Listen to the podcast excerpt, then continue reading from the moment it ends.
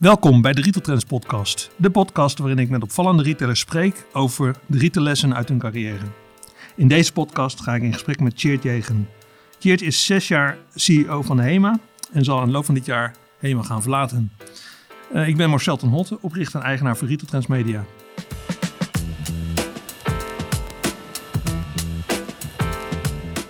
Geert, leuk je weer live te mogen ontmoeten hier uh, in nou, super, uh, Marcel. Hele, hele lege hoofdkantoor in uh, Amsterdam-Noord, het NDSM-terrein. Een imposant gebouw, maar inderdaad een beetje leeg. Ja, het voelt heel vreemd. Dat ja. je zoveel, normaal zoveel collega's om je heen hebt, iedereen keert aan het werk. En dan, nu dan als je er bent, de dagen dat je er bent, is het, is het heel stilletjes. Ja, ja snap ik. Ja. Um, nou, jij werkt eigenlijk vanaf 1995 al onafgebroken in de retail.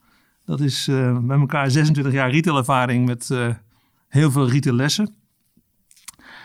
Um, ja, opvallend dingetje van eh, begin dit jaar was eventjes jouw uh, uitspatting op zondag op de LinkedIn. Dat je even boos zit op uh, Ahold, dat of Albert Heijn, dat ze in één keer allerlei HEMA-producten in de aanbieding gingen gooien. Wat, was dat slim op de ja, tong? Ik, ik, ik, moet je eerlijk zeggen, ik had niet verwacht dat het zo opgepakt zou worden. Ik bedoel, ja. ik heb het niet onlangs meer gecheckt, maar volgens mij bijna half miljoen mensen het bericht uiteindelijk gelezen. ging en, echt viral, en, ja. en, duizenden commentaren. Ja. Uh, kijk, de, de, de, de, de, de boodschap sta ik nog steeds volledig achter. Het grappige is, volgens mij uh, van de week had Radar uh, onderzoek gedaan... dat de gemiddelde, gemiddelde consument het ook onterecht vindt... en oneerlijk ja. vindt wat uh, supermarkten doen. Uh, ja, en ik, ik voelde me gewoon, uh, ja, weet je, op dat moment waren we een maand dicht. Um, ja. En dan zie je een, een, een 1 plus 1 op handdoeken. Dat is een van de belangrijkste artikelen die wij verkopen. Ja. Op een prijsniveau precies 5 cent onder onze prijs. Ja. dacht ik, nou, dat is niet toevallig. Nee. En als je dan zo'n coronakampioen bent, ja, dan, dan, dan voelt het wat, wat, wat moeilijk. Als je dicht bent, zonder perspectief voor opening. Dat er met zulke producten wordt gestund. Terwijl volgens mij de kassa's van Albert Heijn redelijk vol zitten. Ja. En het, het gaat mij niet om dat er non-food verkocht wordt, want dat, dat doen ze altijd, van Ja. altijd. Maar dat je dus eh, bewust eh, in de aanbieding producten gaat verkopen die de sector die het normaal verkoopt niet kan verkopen. Op de Ja. manier waarop, de essentiële winkels het doen, vond ik onterecht. Ja. Ehm, maar je ziet wel dat er in de samenleving eh, redelijk wat emotie zit, hè? Positief klopt en negatief. Dus Ja. ik, ik moet zeggen, ik, ik had ook... Weet je, de boodschap staat nog steeds achter. Wel- wellicht had de, de manier om het te formuleren wat anders, anders gedaan. Ik had het redelijk eh, assertief eh, geformuleerd. Ja, maar nog steeds sta ik volledig achter mijn boodschap. Een Dus, eh, aantal linkjes van namen uh, van ja, maar weet je, dat, dat vind ik wel. Kijk, Ja. ik, ik, ik, ik heb deze job met heel veel plezier gedaan. Doe het nog steeds. Ja. Ehm, maar je bent wel een beetje de bondscoach van Nederland als je, als je de CEO van HEMA bent. En, ik, en ik denk, en dat heb ik altijd zo gevoeld. En ik denk dat ook CEO's van welk bedrijf dan ook, ook de verantwoordelijkheid moeten nemen. En dan moet je ook Ja. persoonlijk aangesproken kunnen worden. Dus dat, dat, ook dat vind ik geen, eh, geen probleem. Zijn ze met jou in gesprek gegaan daarna? Ja, het leuke was, ik had, ik had binnen een, eh, een, een, een, ik denk binnen vijf minuten kreeg ik van mijn franchise-nemers eh, de appjes met de handjes, de, ving- de duimpjes Ja. omhoog. Ja.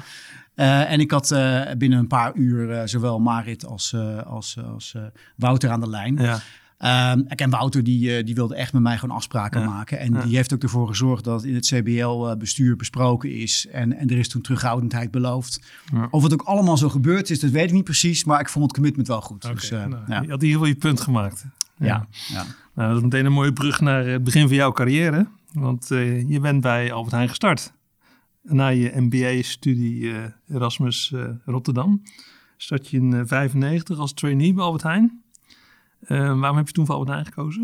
Ja, ik had mijn afstudeerstage bij, eh, bij Ahold gelopen, doorlopen. Dus Ahold marktonderzoek. En er was Ja. een onderzoek naar nieuw business kansen voor de productiebedrijven die, eh, die Ahold toen nog in grote mate had. Ja. Eh, en toen werkte ik voor, ja, voor de afdeling echt Ahold marktonderzoek. Ook in het Ahold kantoor, dus, Ja. dus niet, niet het Albert Heijn kantoor. Echt zo'n klassiek plusje hoofdkantoor. Ook in Zaandam toen nog? in Zaandam, ja. Met, met, met marmer overal en een eigen Mhm. squashbaan en alles erop en eraan. Ja. Maar toch eh vond ze het heel belangrijk dat ook al zat je dus bij Ahold op het corporate office, dat je een week in een Albert Heijn winkel stage ging lopen Ja. als introductie in het bedrijf.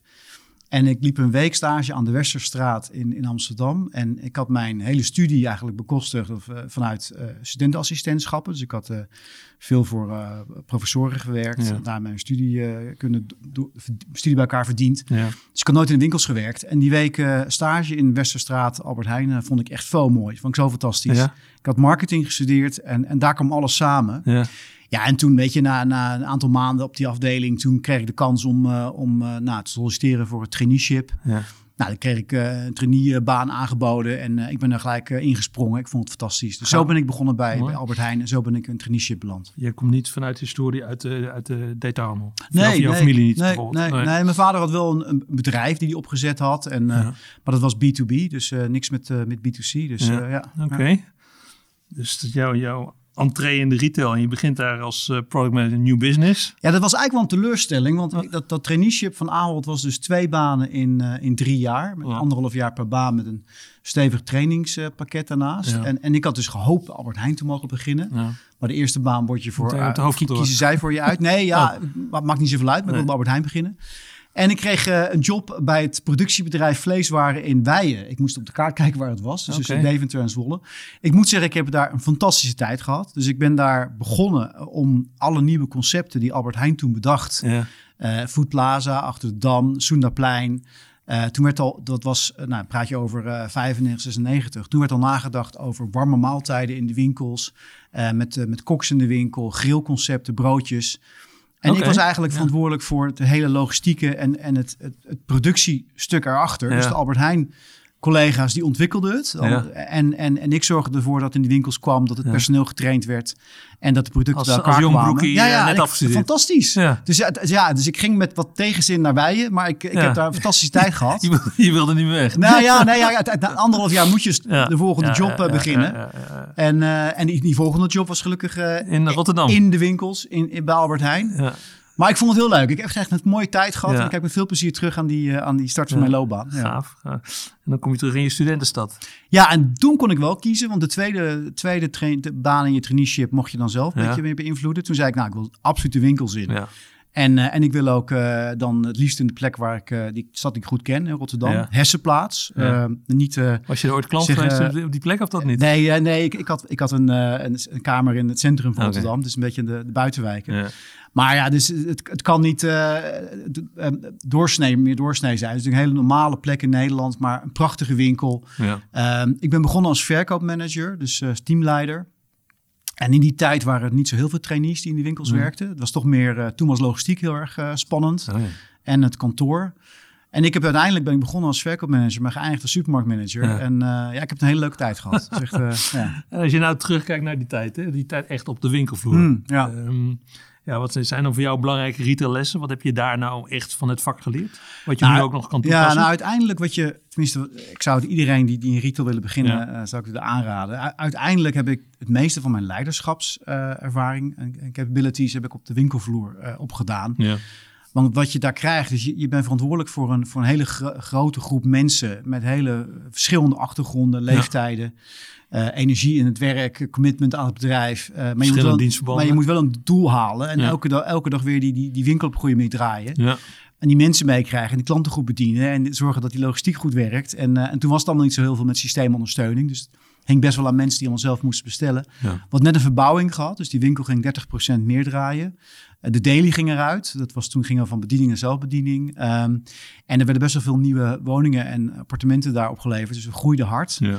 Ja, ik heb daar heel veel geleerd over het motiveren, enthousiasmeren, inspireren van mensen. Ja. Mensen meekrijgen. Ook de les dat mensen, mensen willen ook voor je werken als het je gunnen. Dus je, met, met stroop vang je meer vliegen dan met azijn. Ik vind mm. positiviteit is altijd mijn, uh, mijn leidraad. Maar vooral op de winkelvloer is dat essentieel. Duidelijk zijn, uh, maar ook eh, als nodig is uh, zorgen dat je mensen aanspreekt op hun ja. gedrag. Ja, en, en de, de nabijheid van de klant. Weet je, ik ging ja. dan ook, um, ik heb dan gewoon zelf um, uh, gezien aan een lijve hoe in-store communicatie cruciaal is. Wordt zo vaak vergeten. Ja. Dan, dan bouw je een display. En als de prijs niet hangt, als de aanbieding er niet hangt en de klant ziet het niet, verkoop je helemaal niks. Retail is detail, en, hè? Ja, en, en dus, dus ik heb altijd geleerd, weet je, een, een, een, een hoop doet verkopen, zeggen ze. Maar ja, maar zonder een goede in-store communicatie gebeurt er helemaal niks. Nee. Um, ja, en, en, en ja, die, die, naast dus leiderschap en naast de klant leer je ook gewoon hoe een winkel feitelijk werkt. En, en, en, en welke dingen wel werken en welke dingen niet werken. En ja. daar heb ik heel veel profijt van gehad. Ja. Toen ik na die winkel naar uh, commercie ging op het hoofdkantoor. Ja, je gaat naar, in, in 98 ga je dan weer terug naar het hoofdkantoor. Ja, dus toen, uh, toen was van je traineeship. Nee, toen was traineeship oh. voorbij. En uh, dan, dan moet je echt solliciteren op een, op een baan die gewoon vakant is. En ja. toen kon ik aan de slag bij als category manager in Zaandam. Ja. en ik kreeg de, de, de, de sectiegroepen papierwaren, diervoeding en tabak. Nou, ik, schaam, ik, schaam nog steeds, ik schaam me nog steeds voor tabak. Maar ik, uh, ik heb het met heel veel passie gedaan. En um, een hele leuke tijd gehad. Uh, en en het, het, was super nuttig dat ik die winkelervaring had. Ja, ja. ja want als je dan naar de invulling van die functie kijkt, hè, die category functie. Um, ja, welke dingen uit die winkel komen dan naar voren die je kunt gebruiken? Ja, nou het, allereerste was, kijk, tabak, wat ik al zei, ik ben er niet trots op, maar ik was wel de verantwoordelijk voor die groep. En, en toen kon nog heel veel, ook, ook publicitair. Ja. En ik wist gewoon vanuit de winkeloperatie dat het altijd sluitpost was bij de kassa. Weet je, de kassa was primair. En dan al die tabaksdingetjes, dat, dat ging altijd uh, op het laatste moment uh, gebeurde toch niet. Ja. En ik startte daar en ik had een redelijk groot budget aan marketinginkomsten van, uh, van mijn leveranciers. En die zeiden allemaal in het begin van ja, cheer, allemaal leuk en aardig. Maar je, je bent weer zo'n nieuwe category manager. En we gaan maar stoppen met al die acties. Want Albert Heijn uh, voert het niet uit. En de displays gaan de kartonpers in. En uh, we gaan ermee stoppen.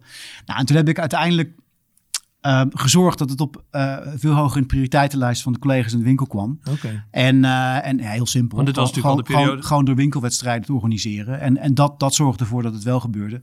Nogmaals, ik ben er niet trots op, maar ik heb wel toen nee. mijn, mijn doelstellingen behaald. Um, maar gewoon als je dus um, zorgt dat je voeling houdt met de winkel. Ja. Wat ik ook wel deed in die periode, is dat ik elke drie maanden gewoon een dag meewerkte in de winkel. Ja. En dan met liefst de categorieën waar ik zelf verantwoordelijk voor was. En dat ik gewoon zelf die, die, die car met, met papierwaren uitpakte mm. vanuit DC.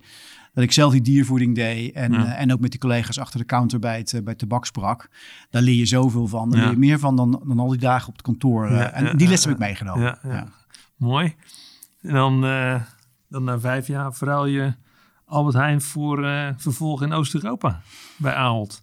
Ja, dat was wel, was wel bijzonder. De, de raad van bestuur, uh, uh, de man verantwoordelijk voor, voor Europa, Jan Andrea, die zocht een, oh, ja. een, jonge hond of een hondin die dus op zoek was naar een uitdaging voor een jaar in Centraal-Europa. Ja.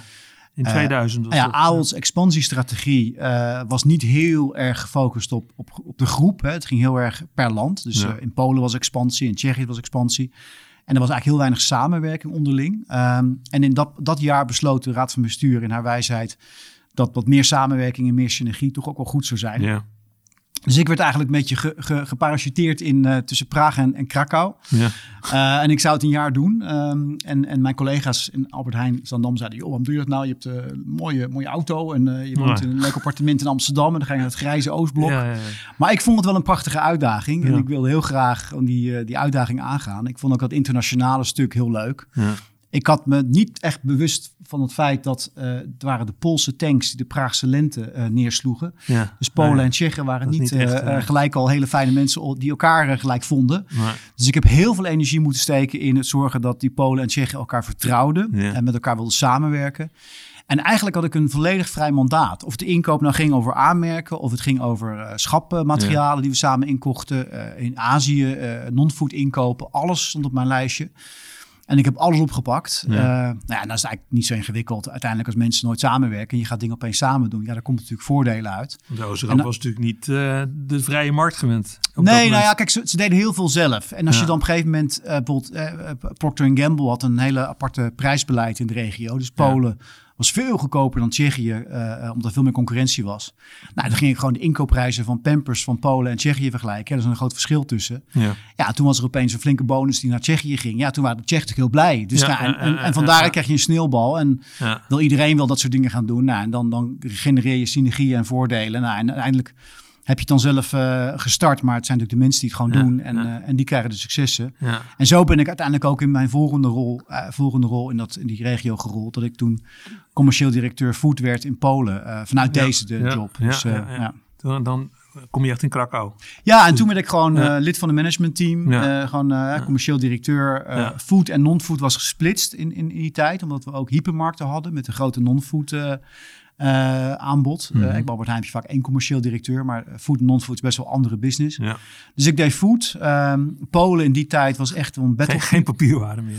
Ja, uiteindelijk wel, maar, oh, maar niet meer dag tot dag gelukkig. Uh, het grappige is, in die tijd, als je naar de top 10 artikelen van Ahold Polen ging kijken, was van 1 tot 10 alleen maar wodka. Dus dat is een beetje, een beetje wat je Ja, type, ja, type product dat je verkoopt. En, eh, en wat de Polen echt eh, graag kopen. Eh, maar iedereen zat er in die tijd, behalve Walmart. Het was echt een battlefield. Ongelofelijke concurrentie. Ehm, en ik maakte mee dat in, in, met de kerst... Het artikel wat iedere Pol koopt is een karper, verse karper. Want dat eten ze dan op zeven manieren met kerstavond. Oh. En die prijzen gingen gewoon per dag, werd er geknokt. Dus je kocht billboards in de steden. En dan had je per dag mannetjes ingehuurd die dan de prijzen aanpasten. En dat je op dagniveau, op stadniveau concurreerde op prijs. Ik heb nog nooit zo'n competitieve... Ik weet dat Tesco opende in een, een buitenstad van Warschau. En uiteindelijk is de suiker toen voor 10 grosje eh, verkocht per kilo. Dat is 2 eurocent voor een kilo suiker. Zo werd er geknokt in die, in die, in die tijd. Dat is heel bijzonder. Dus, Ja. ik heb nooit zoveel concurrentie meegemaakt in mijn leven als toen in Polen. Dus, Dat eh, was jouw belangrijkste retailles ja, eigenlijk. ja, het is, Ja. eh, maar het is redelijk destructief hoor. Want Ja. Heel veel mensen verloren heel veel geld toen. Dus Ja. het was eigenlijk een race to the bottom. Eh, en uiteindelijk is het ook niet, niet, niet sustainable. Dus uiteindelijk Nee. zijn natuurlijk heel veel mensen weggegaan. Ja. Maar je wordt wel heel creatief. Dus, eh, Je ja. eindigt daar als eh, vice president merchandising en marketing, hè? ja, toen werd eigenlijk dus Aal Polen opgeheven in zekere Ja. zin. Toen werden de, de, de Tsjechië, Slowakije toen de tijd en Polen werden samengevoegd in een regio-structuur. en toen kreeg ik de commerciële marketing verantwoordelijkheid Ja. vanuit het directieteam. Eh dat was ook de periode waar net het boekhoudschandaal eh, bij Ahold was. Ja. Dus er was helemaal geen geld meer voor expansie. Nee, dus, nee, dus wij hadden nee, een, eh, een mooie business, vooral in Tsjechië. Maar we konden niet expanderen. En Kaufland expandeerde hard. En Lidl ging hard. En Tesco ging hard. Ja. Dus toen werd de focus heel erg verlegd van... joh, dan maar geen geld voor nieuwe winkels. Maar wel goed investeren in hele goede assortimenten. Goede Ja. eigen merken. eh, goede marketing. Dus we hebben heel veel toen... Ik heb heel veel samengewerkt toen de tijd met Sander van der Laan. Die deed toen de, de, de prijs... herpositionering van Albert Heijn. Natuurlijk Ja. heel succesvol. Ja. En eh, heel veel samengewerkt met Albert Heijn op het gebied van, eh, van eigen merk en Ja. eh, op marketing.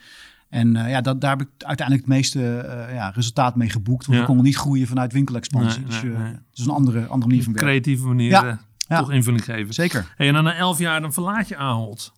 Dan Ja, dat is een klassiek, klassiek expat verhaal. Weet je, ik, ik was zes jaar expat.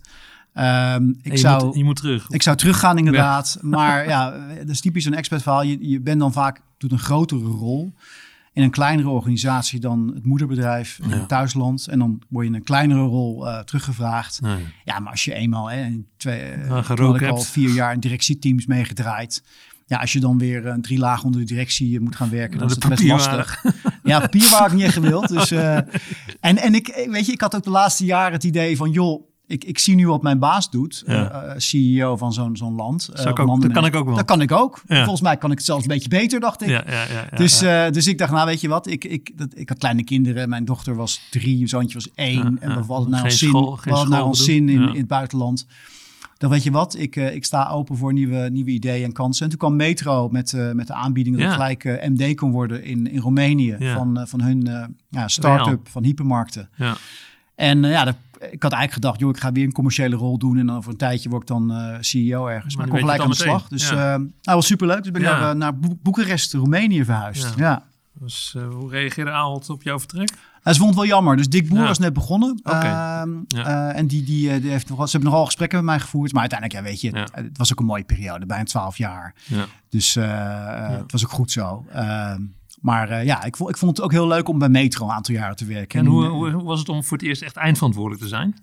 ehm, nou ja, dat wat ik... Was, wat was, ik- het zo eenvoudig nou, dat was ik, dat was ook wel een beetje natuurlijk als supermarktmanager. Alleen dan, dan natuurlijk Ja. in een andere omgeving. Kijk, uiteindelijk vind ik wel, mensen maken leiderschap heel complex. Eh. Uiteindelijk heb je te maken met het, het inspireren, motiveren van mensen en het, en het focussen en de klant centraal stellen. En, en bij een hele grote organisatie heb je daar meer support voor. En in een kleinere organisatie doe je veel meer zelf. Eh, dus uiteindelijk vind ik de complexiteit van die rol valt altijd wel mee. Ja. Het is meer wat je aantreft en welk mandaat je hebt. Ehm, maar het, ik, ik, het leuke was van die rol, ik, ik nam, ik nam een, een, een bedrijf over wat een jaar daarvoor was gestart, Greenfields. Dus ze hadden, eh, eh, Metro was het jaar daarvoor begonnen met de eerste winkelopeningen. Ja. Het enige wat er lag was eigenlijk een soort expansieplan. Maar er was vrij weinig tijd besteed aan het formule en aan, de, aan het marketingpropositie en het assortiment. Ja. En daar was ik met name voor, voor binnengehaald. Uh, dus ik, ik kon het expansieplan gewoon van mijn voorganger uit, uitrollen. Maar ik was heel erg gefocust op het concept uh, reaal, wat het heette, ja. verbeteren. En dat was superleuk, dat was een mooie ja. tijd. Dus, ja. En dan denk je, als het naar Oost-Europa kan, dan kan ik het ook elders. En dan verhuis je naar, als expert naar Azië. Ja, dus ik, had, ik heb het in, in Roemenië met veel plezier gedaan. Um, en, maar dan was ik al negen jaar centraal naar Oost-Europa. En Boekarest is niet de allerleukste stad, kan ik je zeggen, ter, ter wereld. En toen kreeg ik inderdaad het belletje vanuit Tisco van... we zoeken mensen die bij ons CEO-programma willen starten.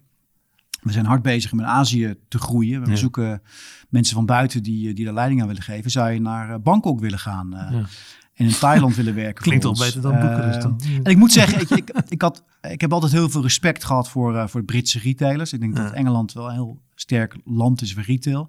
Tesco was toen ongelooflijk nou, moedig bezig met net een Greenfields expansie in de Verenigde Staten grote positie in Oost-Europa, maar heel mhm. sterk in Azië en natuurlijk een heel grote positie in Engeland.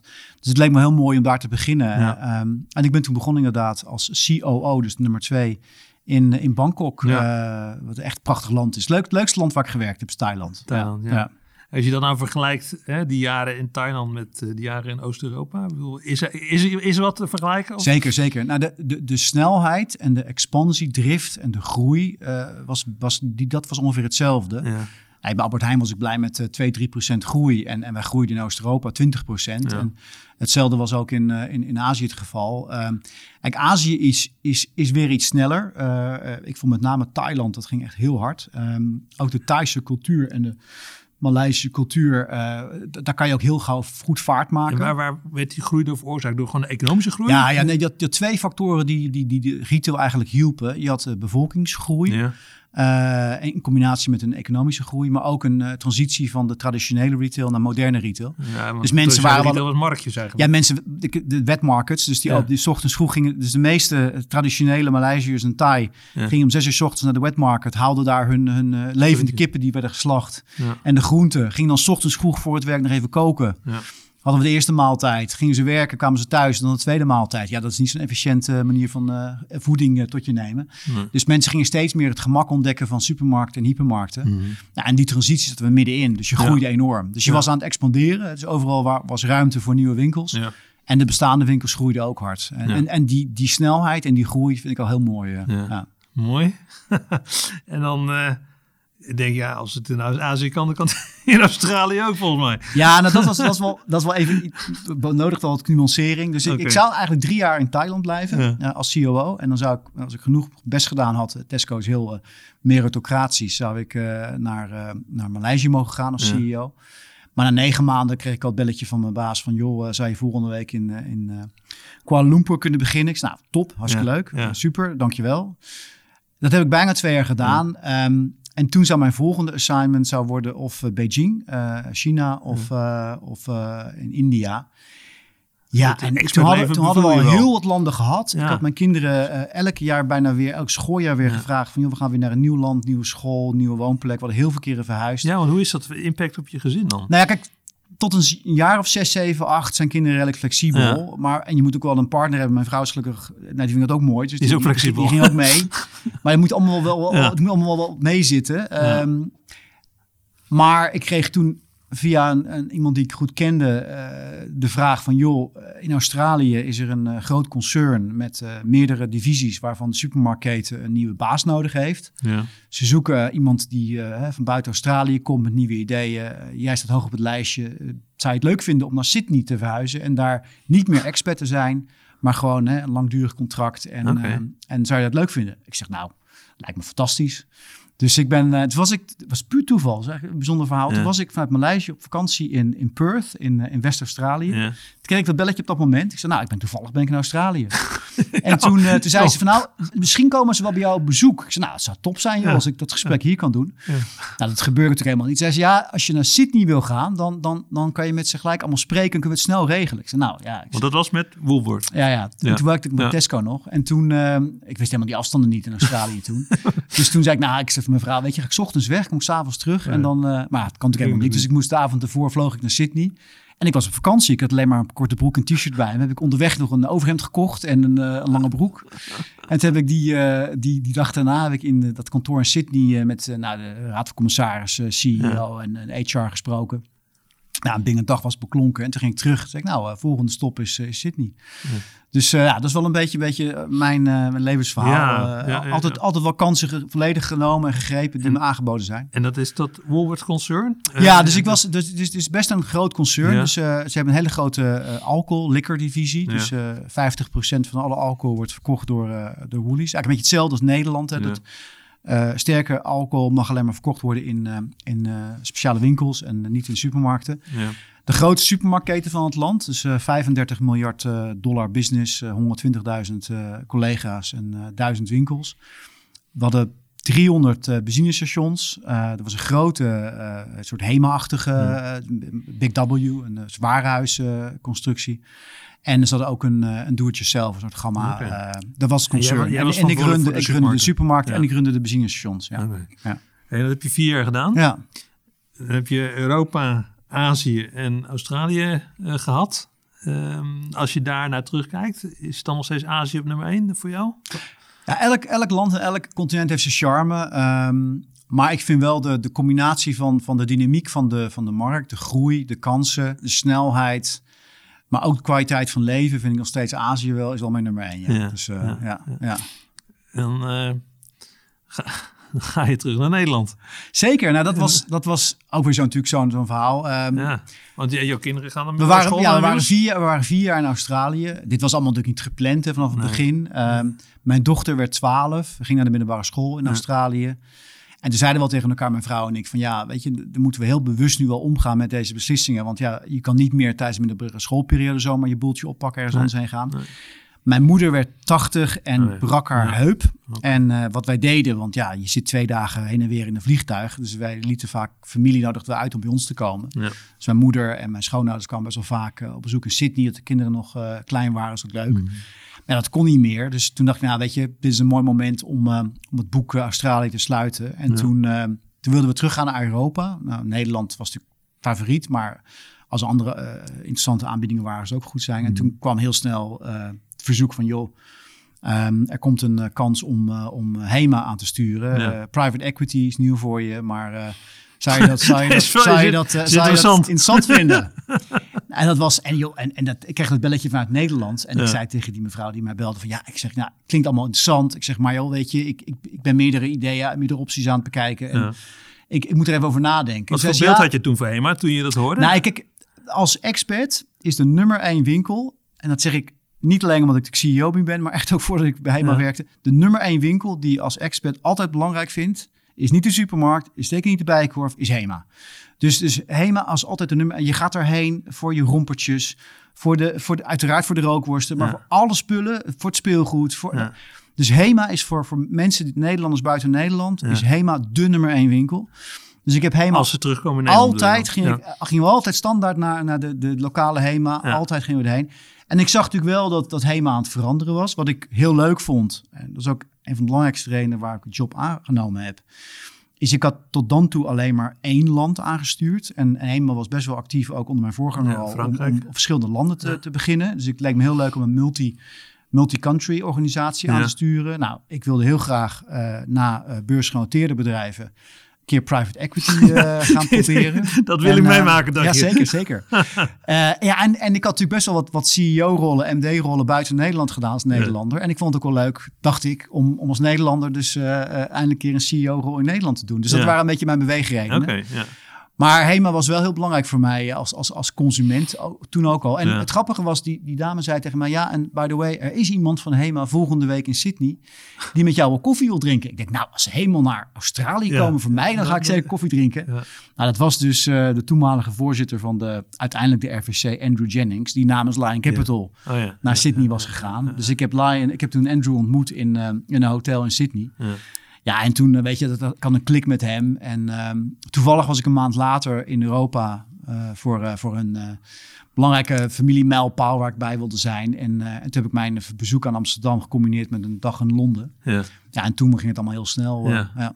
Was Ronald, Ronald Verzetten, die ging je opvolgen. Was ja. hij toen al weg of was, was hij er toen nog? Uh, nee, Ronald is volgens mij, als ik het goed heb, midden april vertrokken. Ja. Uh, en dit speelde dus een beetje februari, maart. Ja, dus en, ik ben... Uh, ja. hebben jullie elkaar nog Ja, zeker, zeker, zeker, zeker. Dus ik, eh, ik, heb, ik, ik ben op maandag 13 april gestart. Mooie, mooie dag. En eh, die, die week hebben we samen, opge, opge, eh, samengewerkt. En uiteindelijk is hij ook nog een tijdje als adviseur aangebleven voor, eh, Alright, Oké. Voor als er vragen waren en zo. Maar Ja. we hebben gewoon een normale overdracht gehad. Ja. Eh, en ik ben vrij snel daar eh, de touwtjes van, eh, van Ronald overgenomen. Ja, ja. Ehm, ja, en dan, dan kom je in zo'n wereld van HEMA terecht. Anders dan dat je hem als consument hebt ervaren. Private equity en een winkel waar in jouw eigen bewoordingen uit die tijd wel redelijk wat moest gebeuren. Nou kijk, ik denk elke CEO, hè, die, die, die creëert natuurlijk een bepaalde eh, veranderingsruimte. hè. Dat zou- redelijk kritisch Het zou bijzonder zijn als je natuurlijk ergens begint en zegt van nou het is allemaal perfect en ik ga dus niks veranderen. Dat, Nee. dat, dat, dat, zou ook niet goed zijn. Ik denk hoe goed of slecht je voorganger het ook gedaan heeft, ik denk dat dat perspectief creëert natuurlijk iedereen. Ja.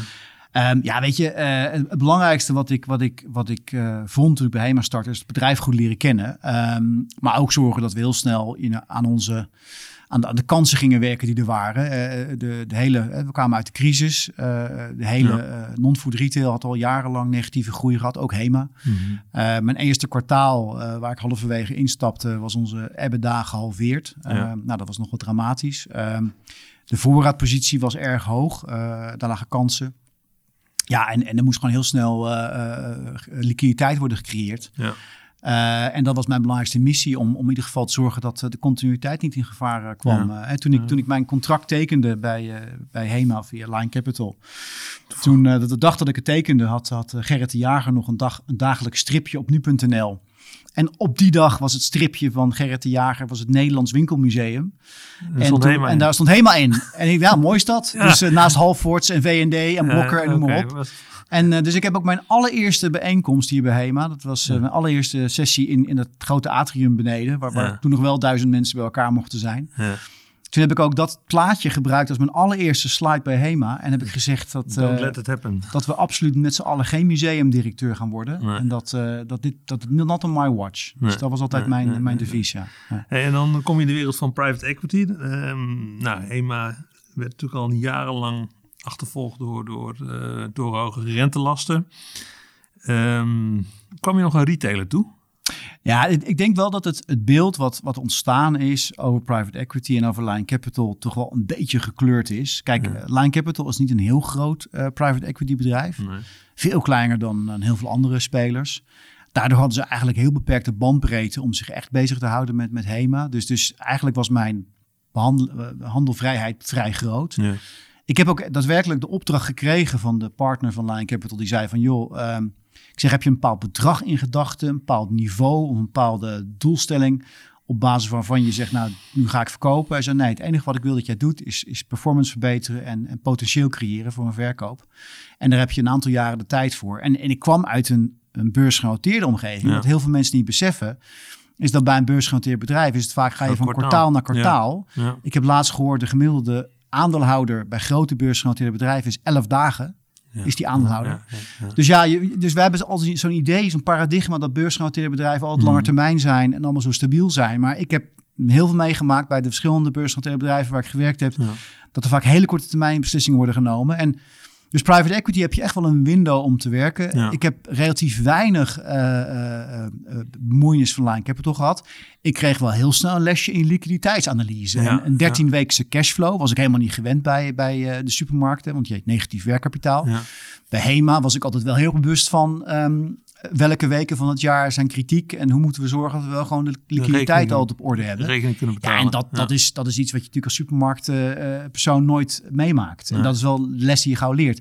En dat zijn niet echt spreadsheets, maar je moet wel gewoon weten hoe je, hoe je liquiditeit loopt en, en om de continuïteit te waarborgen. Dat leer je heel snel. Ja. Ja. En, en de contact met franchise-nemers, hoe was dat?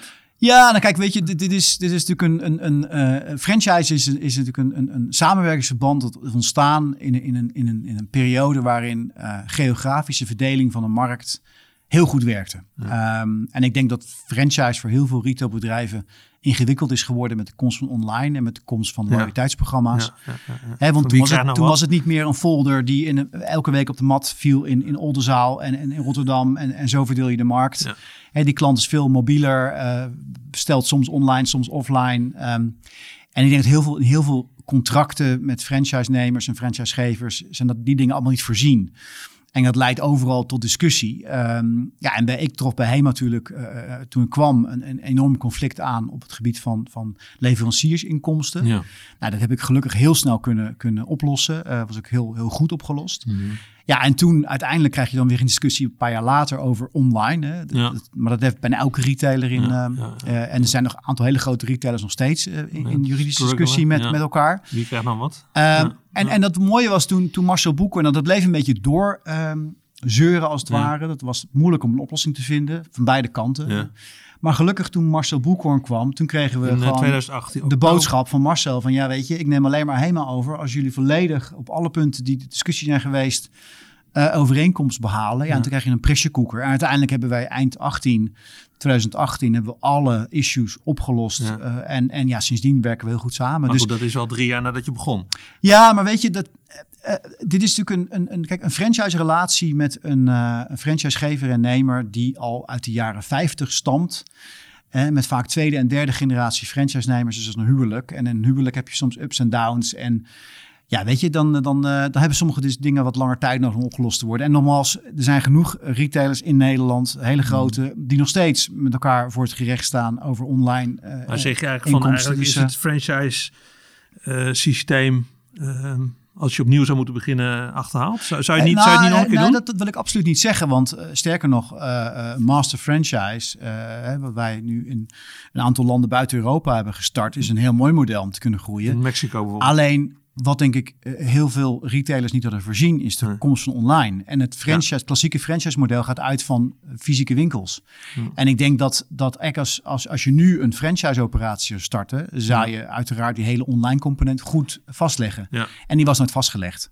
En, uh, en dat, heeft, dat leidt tot heel veel frictie tussen retailers en, en hun uh, franchise-nemers. En dan, dan, want ander belangrijk punt van HEMA, uh, onderscheidend vermogen van HEMA is toch uh, absoluut het assortiment. Zeker. Uh, de, HEMA producten, je begon zelf over de rompetjes en de ja. rookworsten. En hoeveel tijd heb je daaraan kunnen besteden om daar een slag in te kunnen maken? Ja, weet je, je hebt natuurlijk, je hebt natuurlijk altijd uh, retail-experts in, in de landen die allerlei dingen vinden van HEMA. En dat wordt dan allemaal rondgebazuind. Ik probeer om met de feiten te kijken. De feiten zijn dat wij de afgelopen drie, vier jaar elk jaar weer marktaandeel gewonnen hebben. Mm. En, en harder gegroeid zijn in winkels en, en online dan, uh, dan de concurrentie. Mm. Um, en, en dat, is, dat kan alleen maar zo zijn als, als je assortiment op orde is en als je de goede dingen doet. Um, ik besteed er persoonlijk natuurlijk niet zoveel tijd aan als mijn commerciële teams. Maar ik zorg er wel voor dat uh, als er nieuwe collecties komen, uh, uh, dat ik uiteraard overal bij betrokken ben. Het designteam rapporteert ook aan mij. Want ik wil ook zorgen dat de designers uiteindelijk het laatste woord hebben binnen HEMA. Ja. Dat is ons handschrift. Ja. Maar ja, weet je, dus, uh, het, het, het, je blijft altijd natuurlijk een discussie hebben over, uh, over wat, wat, uh, wat goede en slechte producten zijn. Maar wat we hebben hele mooie ja. stappen gezet de laatste jaren. Ja, en het HEMA-assortiment werd ook flink opgerekt, hè, met verzekeringen. En met van... Ja, dat was er al voordat ik kwam. Ja, ik moet zeggen, daar hebben we, wat we hebben toegevoegd is, is, is af en toe een private lease samenwerking. Je merkt dat dat soort concepten goed werkt bij HEMA. Ja. Schadeverzekering werken goed, daar groeien we ook hard in. Dat is ook een, Waarom werkt dat dan bij HEMA bijvoorbeeld? Wat maakt dan dat? Vertrouwen. Uiteindelijk, kijk, de zorgverzekering is wat ingewikkelder, omdat eh, ook daar zit je toch heel veel dat mensen relatief weinig politieker, denk ik. opzeggen. En er is natuurlijk heel weinig, je kan ook heel weinig commercieel ermee. Ja, dus precies. zorgverzekering is wat, wat is meer moeilijk om daar het verschil te maken. Maar in, in schade doen wij het heel goed, omdat wij een heel simpel product hebben met geen kleine lettertjes, alles online. Het, heel simpel, als je een probleem hebt, je kan een foto maken via WhatsApp sturen mm. en je krijgt je, krijg je schade betaald. En het, het, het, het past gewoon bij een vertrouwd merk dat iedereen kent als HEMA. Dus dat past heel goed. Ja. Private lease ook. Uh, wij, wij, hebben met een aantal keren een private lease gedaan. Vier modellen auto's, de groenste modellen op de markt. Ja. Heel simpel en het werkt gewoon. Ik moet je eerlijk zeggen dat ik uiteraard de belangrijkste focus natuurlijk van ons zijn fysieke producten nog steeds. Hè. Dus dat is, dat, is wel, dat is uiteindelijk wel waar mensen voor naar HEMA gaan. Ja. Maar hè, die verzekeringsportefeuille is een mooie aanvulling op ons ja. assortiment. Ja. En dat is het fysieke assortiment is nog steeds alles onder het HEMA-label. Heb je ook eens overwogen om andere merken we, hebben twee, we hebben twee uh, uitzonderingen gemaakt hierop. Dus uh, de eerste uitzondering heb ik, heb ik persoonlijk gemaakt toen, toen V&D uh, kopje onder ging. Kijk, V&D had natuurlijk een prachtige koffers. school. Nou, koffers niet, maar school, school assortiment. Uh, met hun campus. Ja. En, uh, en, en ze gingen een kopje onder uh, in december, januari. Ja. En alle leveranciers uh, van, die, van die schoolproducten, die, die klopten eigenlijk bij ons aan de deur. En die zeiden van, joh, we hebben eigenlijk de agenda's al uh, en de schrijfwaren al gemaakt. Heb je nog een, heb je nog een hoekje? Uh, zou jullie dat kunnen verkopen? nou, ja. En, en, en dat, vonden, dat vond mijn team best spannend, hè, want ja. onze filosofie was altijd tot dan alleen maar HEMA-merk. Ja. En wij hadden wel een redelijke positie in, in schrijfwaren, maar niet zozeer in back to school. Want hè, hoe vaak toch kinderen uiteindelijk een keuze maken. Ze beginnen met de agenda en daar, daar passen ze de rest op aan. En die markt lag echt bij V&D heel sterk. En toen heb ik besloten van, joh, laten we het gewoon doen. Weet je, we gaan wel zorgen dat we naast al die merken ook eigen licenties ontwikkelen. Maar we gaan wel die merkoperatie uh, overnemen. Want daarmee kan je ook heel veel andere producten aan die kinderen uh, en aan de ouders verkopen. Ja. Dat is de uitzondering geweest. En het tweede wat we hebben gedaan um, is, is onze babycategorie. Uh, wij hebben natuurlijk een heel mooi aandeel in, in babyrompers, babykleding. Ja. maar bijvoorbeeld drinkflesjes hadden we echt een heel klein marktaandeel. En Difrax, een prachtig Nederlands merk, mooie, mooie technologie. Ja. Die zeiden van, kunnen wij niet samenwerken? De Difrax technologie om, om krampjes te voorkomen. Ja. En het HEMA-design op de flesjes. En dat product ligt ook in onze schappen. Dus dat, is, dat zijn de enige twee uitzonderingen. En ik sluit niet uit, weet je, als er, als er in de toekomst um, andere mooie technologiemerken zich willen combineren met het design van HEMA, kan, je, het, kan je het nog steeds doen. Maar de basis nog steeds 100% HEMA. Ja.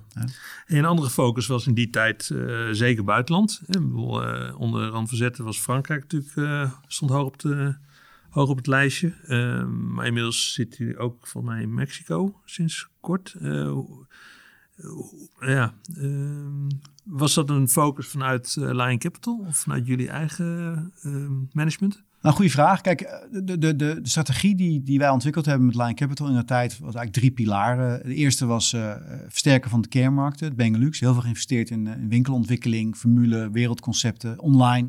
En de derde was internationalisering.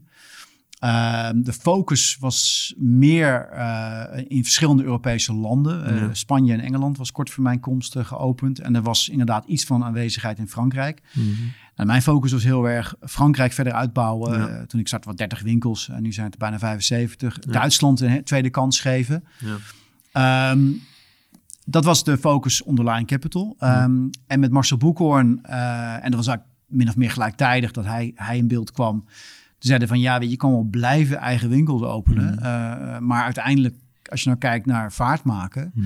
Er zijn heel veel uh, master franchise uh, partijen die heel graag HEMA willen uitbaten. Want ja. in het Midden-Oosten zijn we gewoon gevraagd. Drie ja. jaar lang hebben we gewoon mensen onze deur geklopt. Kunnen we alsjeblieft HEMA beginnen? Ja. Nou, dan, die, die maken investeringen in de winkels. Die hebben een eigen logistiek systeem. Die hebben eigen medewerkers. Het enige wat je doet is containers producten leveren, merkinglicentie geven en zij maken gewoon vaart en kunnen, je kan volume en waar draaien. kwam die, die, die, die, dat dan zelfs maar vandaan dan? Nou, uiteindelijk omdat het een heel mooi businessmodel is, waar je, uh, dat geeft je dus de ruimte om de, de, de beperkte middelen die je hebt. Ja. Hè, want toen de tijd hadden we nog vrij grote mm. rentelasten.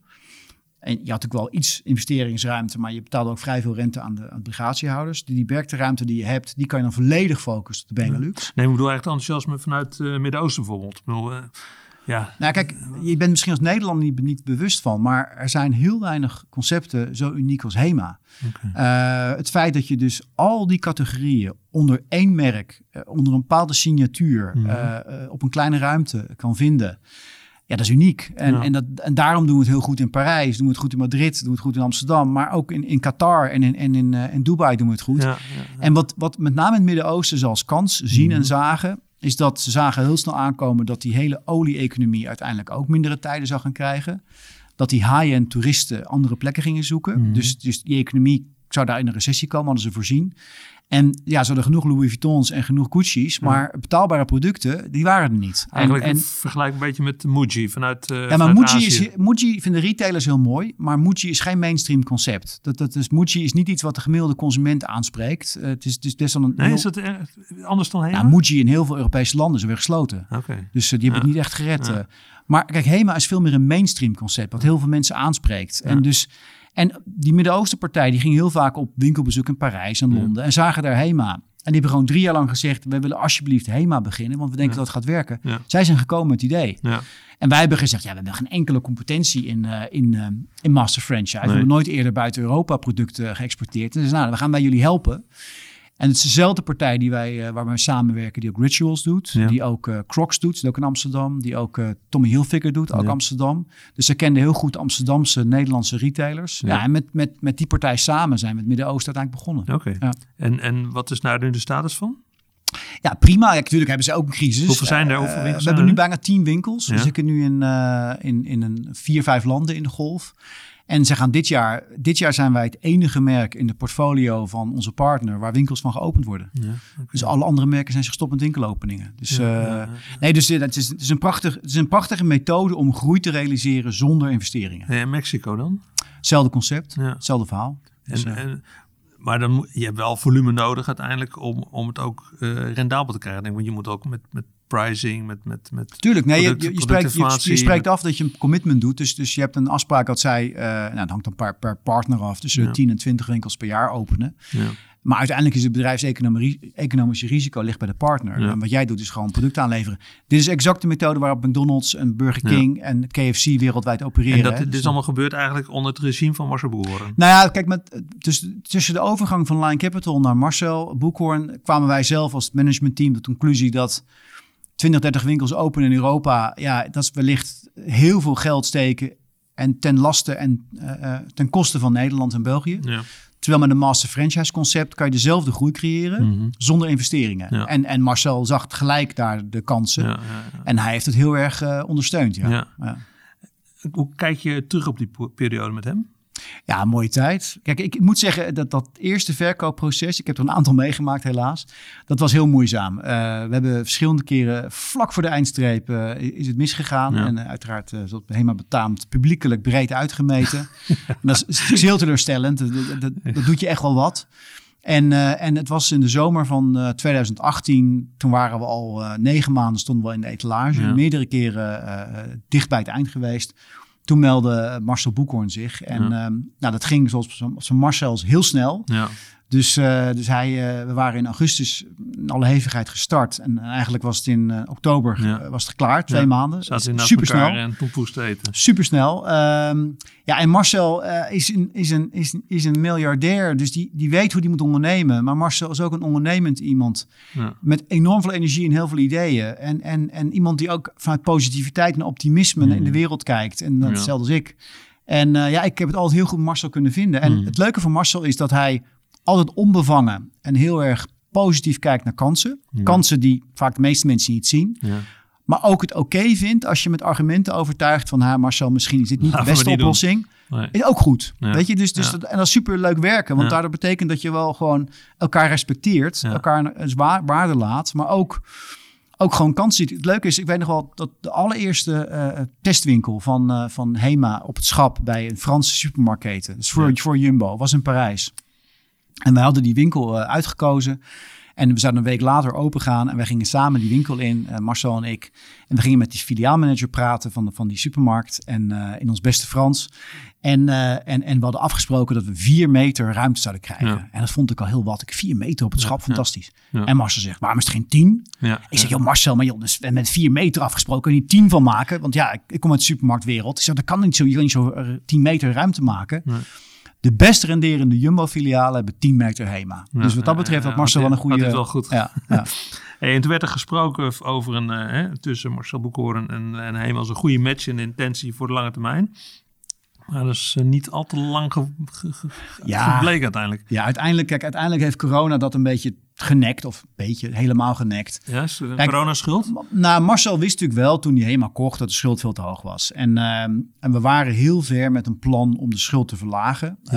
Eh, we hadden net in november een afspraak gemaakt met Jumbo om, eh, om 17 locaties eh, over te dragen. Daar was een, eh, een mooie De, winkel, de winkels. compensatie voor. Ja. Ja. Maar ook de 17 locaties krijgen, ze een betaling voor krijgen. Ja.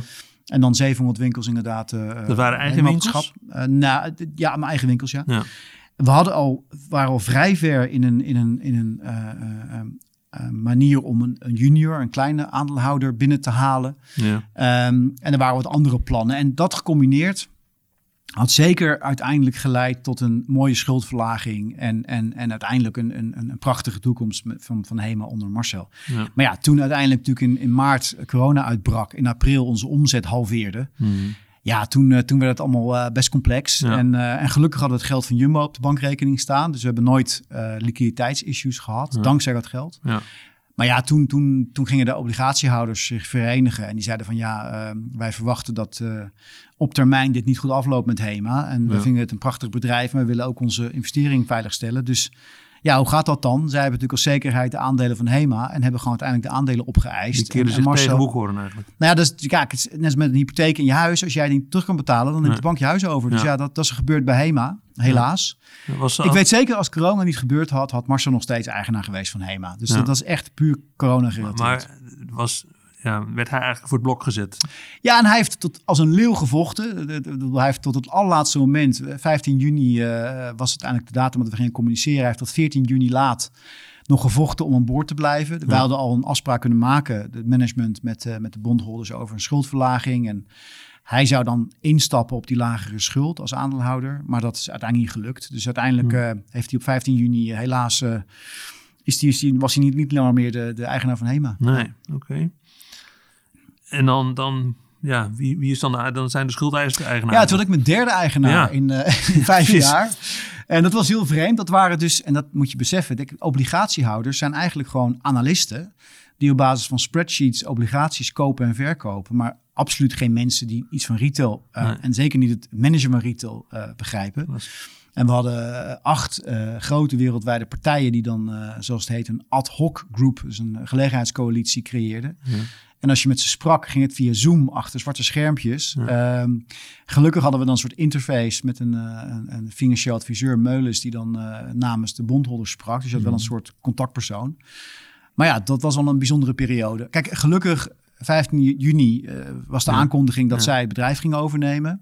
Op 16 juni starten we het verkoopproces. Dus het was nooit de intentie dat zij lange aandeelhouder zouden blijven.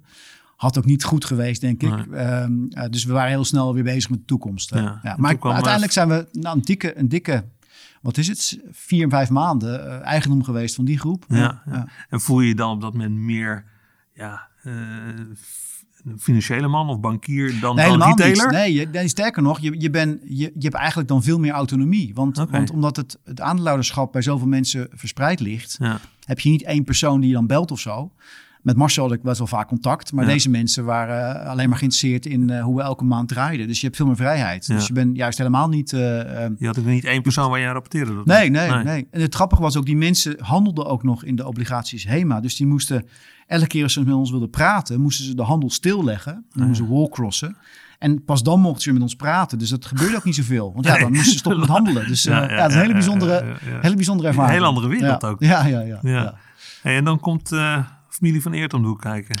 Uiteindelijk wel, ja. Dat was natuurlijk, Dat kijk, in natuurlijk eerste al, instantie... al, überhaupt al de gedroomde eh, partner. Ja, kijk, gelukkig hadden we natuurlijk al eh, meer dan een jaar samenwerking op het Ja. gebied van, eh, van, van Jumbo. Ja. Ehm, eh, Parcom had ook al in 2018 heel serieus naar HEMA gekeken. Ja, Maar vond het toen te duur, de schuld te hoog. Ja. Ehm, ja, en toen Marcel Boeker uiteindelijk natuurlijk uit beeld verdween, toen, toen dachten, en terecht ook, familie van Eert en Parcom, van nou, is een mooi moment voor ons om in te stappen. Ehm, en ja, en eh, gelukkig is het ook zo gebeurd. Ja. En hoe kijk je nu naar, naar, ja, naar deze nieuwe eigenaren? Nou, dit is, dit is uiteindelijk de allerbeste uitkomst. Kijk, Ja. ik, denk, ik denk dat private equity, eh, ik denk dat het geen slecht businessmodel is. Mhm. Maar private equity in combinatie met fysieke retail, dat werkt niet meer. Mhm. Ehm, er, er zit niet meer een, een groeimodel achter eh, fysieke retail. Wat werkt met, met pure private equity. Eh, de groei is veel beperkter. ehm, en het, het snelle geld is wel een beetje voorbij. Dus je hebt iemand nodig die gelooft in het merk op de lange termijn, met Ja. lange adem. Ja. Nou, en dat brengt zo'n familie van Eert. Ja. Dat is lange termijn perspectief. Hè, en dat past heel goed bij HEMA. Ik denk dat Jumbo en, en HEMA heel goed complementair zijn. Hè? Alhoewel familie van Eert het gekocht heeft, niet Jumbo, maar we werken natuurlijk nauw samen.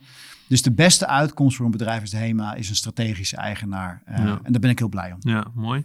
En eh, de, de financiële topman eh, Tom van Veen, die, die zin speelde al een beetje op van eh, dat hij niet zo eh, de toekomst van die buitenlandse avonturen een beetje, een beetje eh, ja, eh, moeilijk vond. Ehm, zijn, zijn daar al stappen in gezet? Nou ja, natuurlijk. Hij vroeg zich daar wel wat dingen bij af. Laat ik het zo ja, en, en, en, natuurlijk. En niet alleen hij, denk ik. Het, het is ook heel goed natuurlijk om, om elke keer weer, hè, als, je, als, je, als je een nieuwe eigenaar bent van een bedrijf, is het eigenlijk heel belangrijk dat je heel goed beseft wat, wat een bedrijf doet. Dat je dat evalueert en dat je dan met het management en de RVC Raad van Commissaris daar goede afspraken over maakt. En, en natuurlijk, ik heb geen twijfel dat ook de hele HEMA-strategie die we nu hebben zal, zal worden bekeken. En, en, er zullen ongetwijfeld andere accenten plaatsvinden. Maar die besluitvorming die moet nog plaatsvinden. En ik laat het aan de nieuwe aandeelhouder en een nieuwe hmm. CEO over om dat netjes te delen als die plannen klaar zijn. Ja, ja. ja snap ik.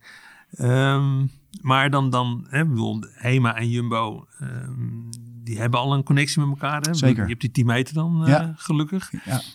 Um, zijn in dat kader al meerdere plannen? Bijvoorbeeld, hè, ik zat zelf te denken, toen jij dat plaatst op LinkedIn uh, begin januari, ik denk van ja, waarom ga jij niet dan zelf die handdoeken van HEMA bij, uh, bij de Jumbo leggen? Ja, maar dat is, dat is het, dat is het uh, wat ik bedoelde met die, met die post op LinkedIn, is niet zozeer het, het verkopen van non-food artikelen, maar het, het, het, het gooien. Ja. En, uh, en dat doet Jumbo dus heel netjes. Jumbo ja. verkoopt ook best wel veel HEMA-artikelen, mm. maar wel gewoon voor de normale prijs zoals wij hem ook verkopen. Ja. Uh, op dat niveau, maar niet uh, met allerlei aanbiedingen. Want het is echt een serviceartikel voor de Jumbo-klanten. En niet de bedoeling dat het uh, nou ten koste gaat van, van het bezoek aan de HEMA-winkel. Het is een versterking. Ja. Maar de samenwerking moet je zien. Kijk, ik ben heel blij met de samenwerking op het schap. Hè. Dat betekent dat, dat we in elke, dadelijk, elke Jumbo in Nederland en België gewoon HEMA-spulletjes hebben. Ja. En ja, nu natuurlijk fantastisch dat in de tijd dat wij gesloten zijn, we in ieder geval wel een mooie inkomstenbron hebben uit die, uit die hoek. Dus het is ook een mooie bron. Um, het tweede wat we natuurlijk doen is, uh, we gaan uh, op de NS-locaties een hybride model ontwikkelen. Nou, ja. Dat ligt nu wat stil met corona, maar na corona gaan we daar met vaart mee door. Dus een combinatie van food en non-food. Dus food jumbo, non-food okay. HEMA. Dus een mooi hybride stationswinkels. En met onder de twee merken ook dan? Ja, onder de twee merken, ja. ja. Dus dat is waar ze druk mee bezig zijn. Ja, en uiteraard... Dus het is al ze. Uh, ja, en uit, uiteraard, uiteraard uh, gaan we natuurlijk als dadelijk uh, de, de, op een, als, de, als de rust tot wedergekeerd ja. is en we winkels weer open zijn ja. en we gewoon weer normaal draaien, ja. zijn er ongetwijfeld heel veel andere mooie ideeën om, om meer samen te werken.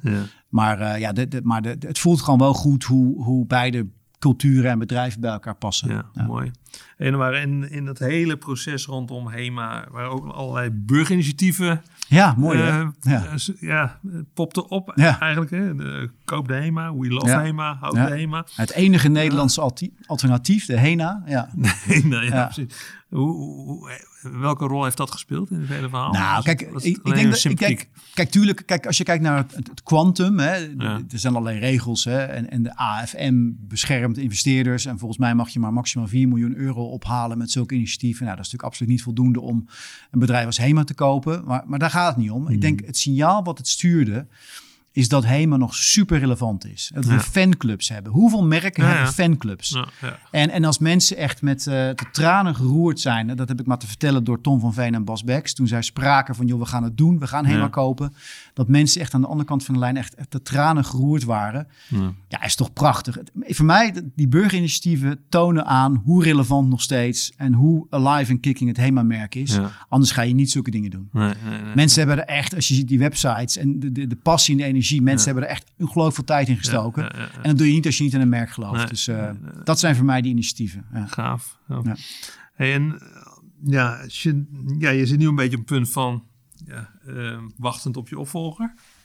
Nou ja, eerst zorg, dat, eerst dat die winkels weer open gaan. Oh ja, maar, ja, dat ja, wanneer denk je dat dat gaat gebeuren? Nou, het is een hele moeilijke discussie. Kijk, ik, ik, ik vind het wel wat, wat ingewikkeld worden dat Nederland tot, tot december uh, best progressief was en liberaal was met, met het, uh, het, het, openlaten van de economie en toch zo hard mogelijk werken aan, aan een gezonde uh, omgeving voor, voor, voor mensen in Nederland. Ja. Ik denk dat we nu als land een beetje doorgeslagen zijn. Um, en ik vind het jammer dat we geen perspectief hebben. Hè. Ja. Ik denk dat België, Frankrijk, waar we ook winkels hebben, Duitsland, daar kunnen winkels wel nog redelijk opereren. Sterker ja. nog, België en Frankrijk zijn de winkels gewoon open. Ja.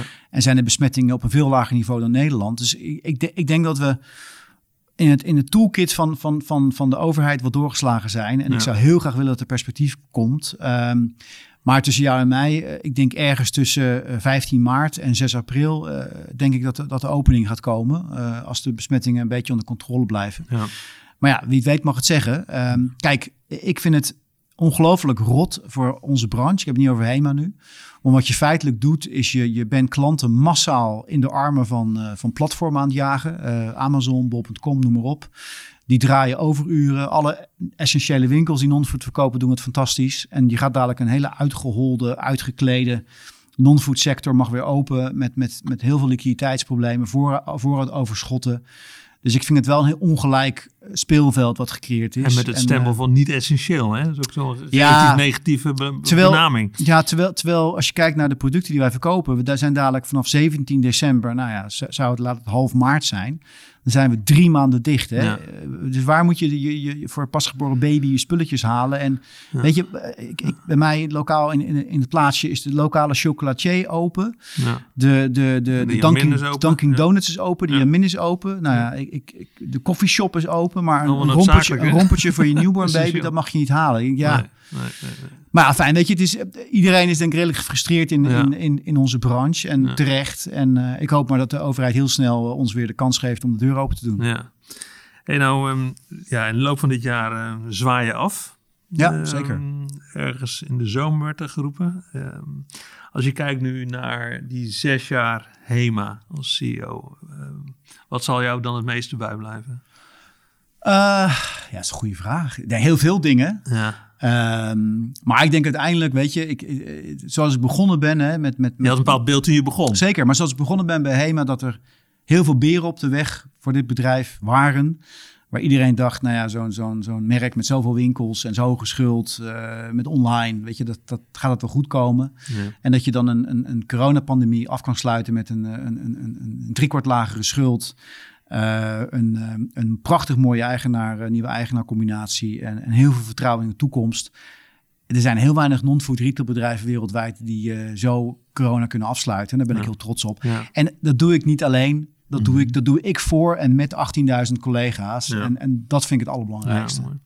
Hey, en hoe leuk is het dat, dat jij dan opgevolgd wordt nu door een uh, nieuwe CEO die ook nog vrouw is? Ik vind het echt top. weet je, ik, Saskia ik, Ja, ik vind het echt top. Ik bedoel, ik uh, ik, ik vind het zo bijzonder dat uh, een, een, een merk dat, uh, waar 85% van onze kernklanten dame is. Ja. En ook de meerderheid, hè, zoals een retail vaak van de collega's dame is. Dat er mm. ook een dame aan het roer komt, vind ik echt top. Dus ja. superleuk. Ja. Hebben jullie al kennis gemaakt? Jullie kennen zeker, zeker. Ja, ik, ik, ken, ik kende haar al. Um, en ik heb uh, natuurlijk wel wat contact uh, ze met haar gehad. volgens mij. Uh, nou ja, kijk, ze zit wel, ze zit wel nog eventjes... ze is bezig, bezig in gesprek met haar, met haar huidige werkgever... over wanneer en hoe ze bij ons kan starten. Dus ja. ik, heb, ik heb niet zo heel veel contact met haar. Het is meer, het is meer zijdelings. Er zit wat storing op de lijn. Uh, maar ik hoop dat ze snel kan beginnen. Ik zou, het, ik zou het fijn voor de vinden als, als het niet eenmaal bekend is... dat ze ook snel hier kan starten. Ja. maar ik heb, ik heb uiteraard aangegeven... en dat ik zal zorgen dat ik uh, zo lang blijf als het kan, dat ze netjes kan beginnen en dat de continuïteit gewaarborgd is. Maar, en ik hoop dat ze snel kan beginnen. Ja. En hoe kijk jij dan naar je eigen toekomst? Wat, wat, wat, zou jij willen?